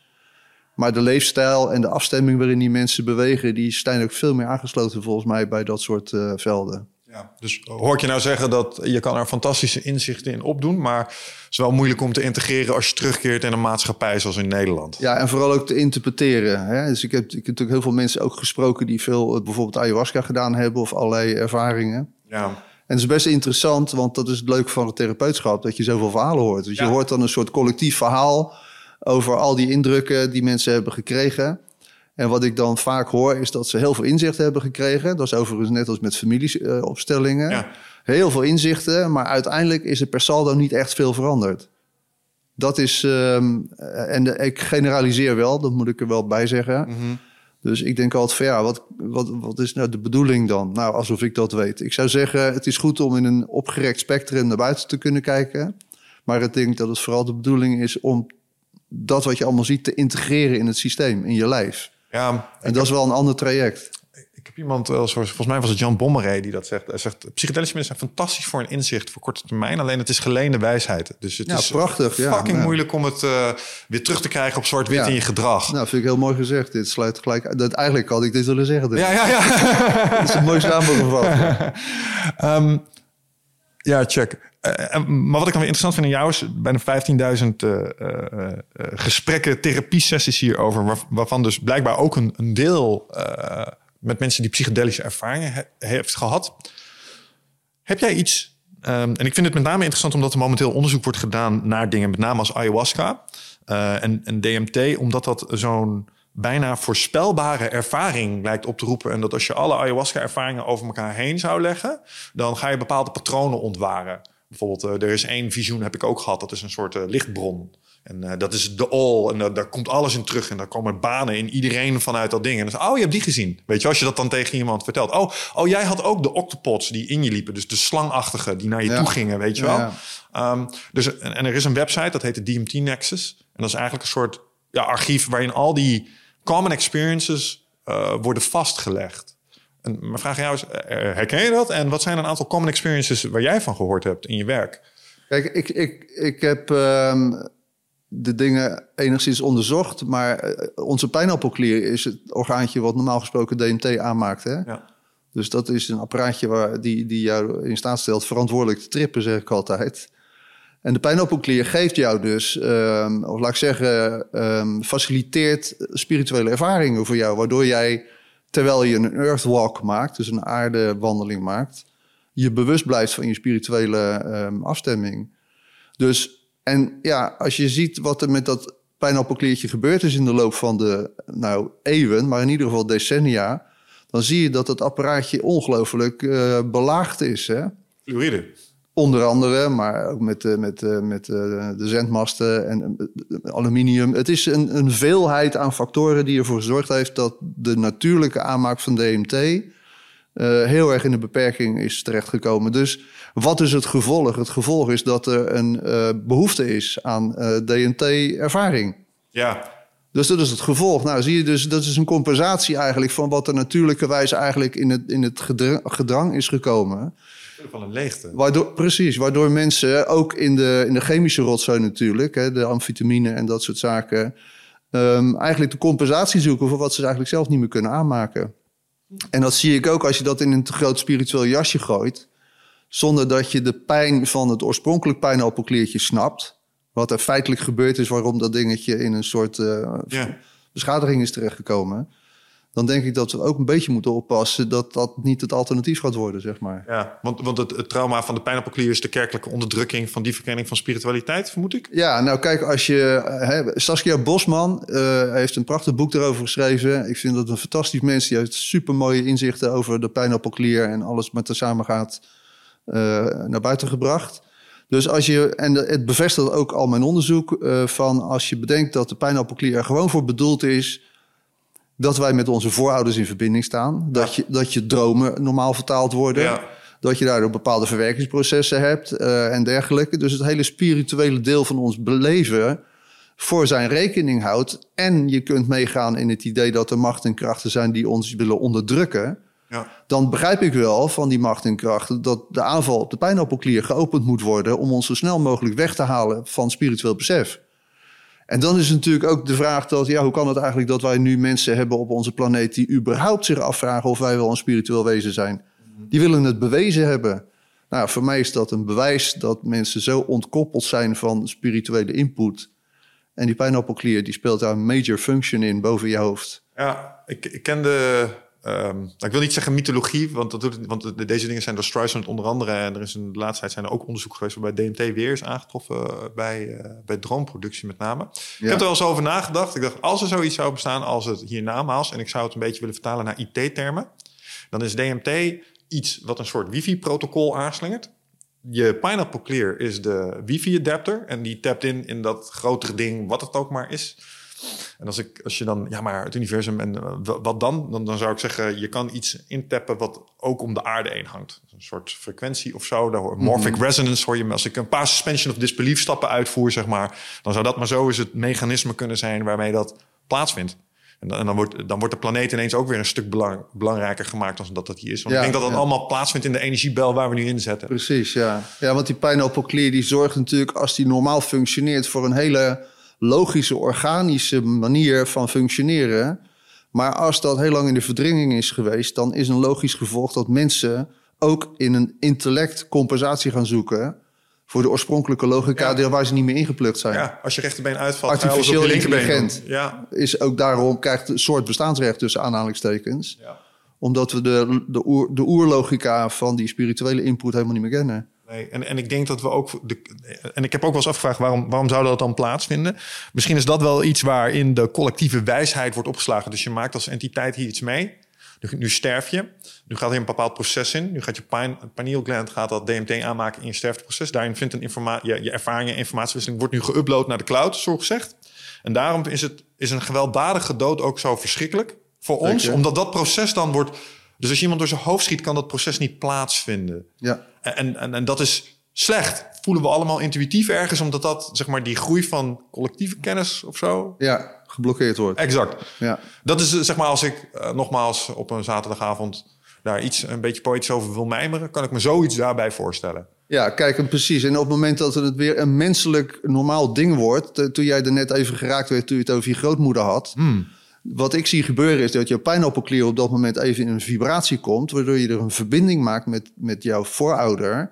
En er informatie van deze grootmoeder door jou heen kan komen, waardoor jij het, het beleeft. Ja. Dat is een momentopname, dat vind ik zo mooi, want dat zie ik natuurlijk vaker gebeuren in mijn werk. En denk ik, ja, daar is die voor bedoeld. En dan hoef je niet bewezen te hebben of het jouw grootmoeder wel is of zo. En wat ze dan zegt. Ja, ja, ja. Je voelt gewoon van, ja, dit gaat wezenlijk door me heen. En wat er gezegd wordt, klinkt ook wezenlijk. Thank you, grandmother. Dit is een normale gang van zaken. Ja, en dat alles nu artificieel intelligent natuurlijk gealiast wordt... is, is natuurlijk uh, ja, even waar we bij stil moeten staan. Ja, hè? ja, laten we die afslag heel bewust niet nemen... want dan zitten we over twee uur nog nee. over te kletsen. En ik ben wel benieuwd naar de spirituele implicaties... die dat zou kunnen hebben. Ik ben ook benieuwd hoe je aankijkt tegen... Laten we, laten we, denk je dat als iets tot leven zou worden geroepen... door onze computers op die manier... dat het ook meedoet in dat spelletje waar we het zojuist over hadden? Nou, het zal zeker een invloed uitoefenen, maar het kan nooit bezield worden. Dat is ja, precies. Dus het zal niet iets zijn wat ineens bestaat en nee, ook aan dat proces onderhevig zal moeten. Nee. Ik heb wat geleerd ook van die natives, maar het sluit ook wel aan bij hoe ik het voel. Kijk, moeder aarde kan nooit vruchtbare grond geven aan iets wat on, oneigen is. Hè, wat, wat niet volgens een, een oerconcept functioneert, gaat zij niet uh, voeding geven. Dus dat zijn alleen maar uh, intellectuele concepten. Maar als er geen wezenlijke bezieling plaatsvindt, dan zit je, blijf je tegen een robot lullen natuurlijk. En daar de pijn van voelen uiteindelijk. Ja. Maar het feit dat dat plan doorgevoerd wordt, geeft wel aan dat het belangrijk is voor ons even te zien wat hier gebeurt natuurlijk. En Ja. dat dwingt ons gewoon ook spiritueel bewust te worden. Ah, en hoe wenselijk het is. Ik vind een positieve ontwikkeling. En ik ben een techno-optimist. Ik geloof in technologie en ik geloof in Star Trek en al die dingen. Maar ik ben heel blij dat sommige prominenten nu zeggen... hey, maybe pause a little. Even nadenken over of we dit echt willen. Ja, het is meestal zo dat de mensen die zich met die dingen bezighouden, hè, de miljardairs over het algemeen, natuurlijk van die, eh, nou, een spiritueel bewustzijn van een stroopwafel hebben. Alleen doordat ze zoveel geld hebben en zoveel macht en impact, Ja. hun hobby's zo extreem uitvergroten en, en implementeren onder de bevolking. En ja, dat is natuurlijk wel even een dingetje. Ik zou misschien wel willen pleiten voor iets wat Graham Hancock ooit zei over politici. Dat we dat oprekken naar biljonairs. Zodra je biljonair of politie bent, moet je op zijn minst vier ayahuasca-ceremonies hebben gedaan. anders moet je het allemaal inleveren, want anders doe je er toch geen slimme dingen mee. Ja, heel mooi. Ja, zeker. Top. Ehm, Maarten, dankjewel wel voor dit eh, eh, leuke interview. Excuus voor de beetje rommelige start, maar het is volgens mij helemaal eh, goed gekomen. Ja, door. Ehm, ik heb er weer dingen van geleerd. Ik vond het ook mooi. En ehm, stel je zit hier naar te luisteren en je denkt... ja, I gotta get in on this. Waar kunnen mensen jou eh, vinden om eh, hiermee in aanraking te komen? Eh, nou, is, ik zit alleen te denken, voor het geval mensen misschien mijn boek interessant vinden, dat is te bestellen op www.maartenoversier.com. En verder ben ik in verschillende podcasts te vinden tegenwoordig, als je meer onderwerpen wil horen over hoe ik naar kijk enzovoort. Ja. Dat, Top. Super. ja. Dankjewel voor je tijd. Luisteraars, dank jullie wel voor het luisteren. En tot de volgende keer. Ciao.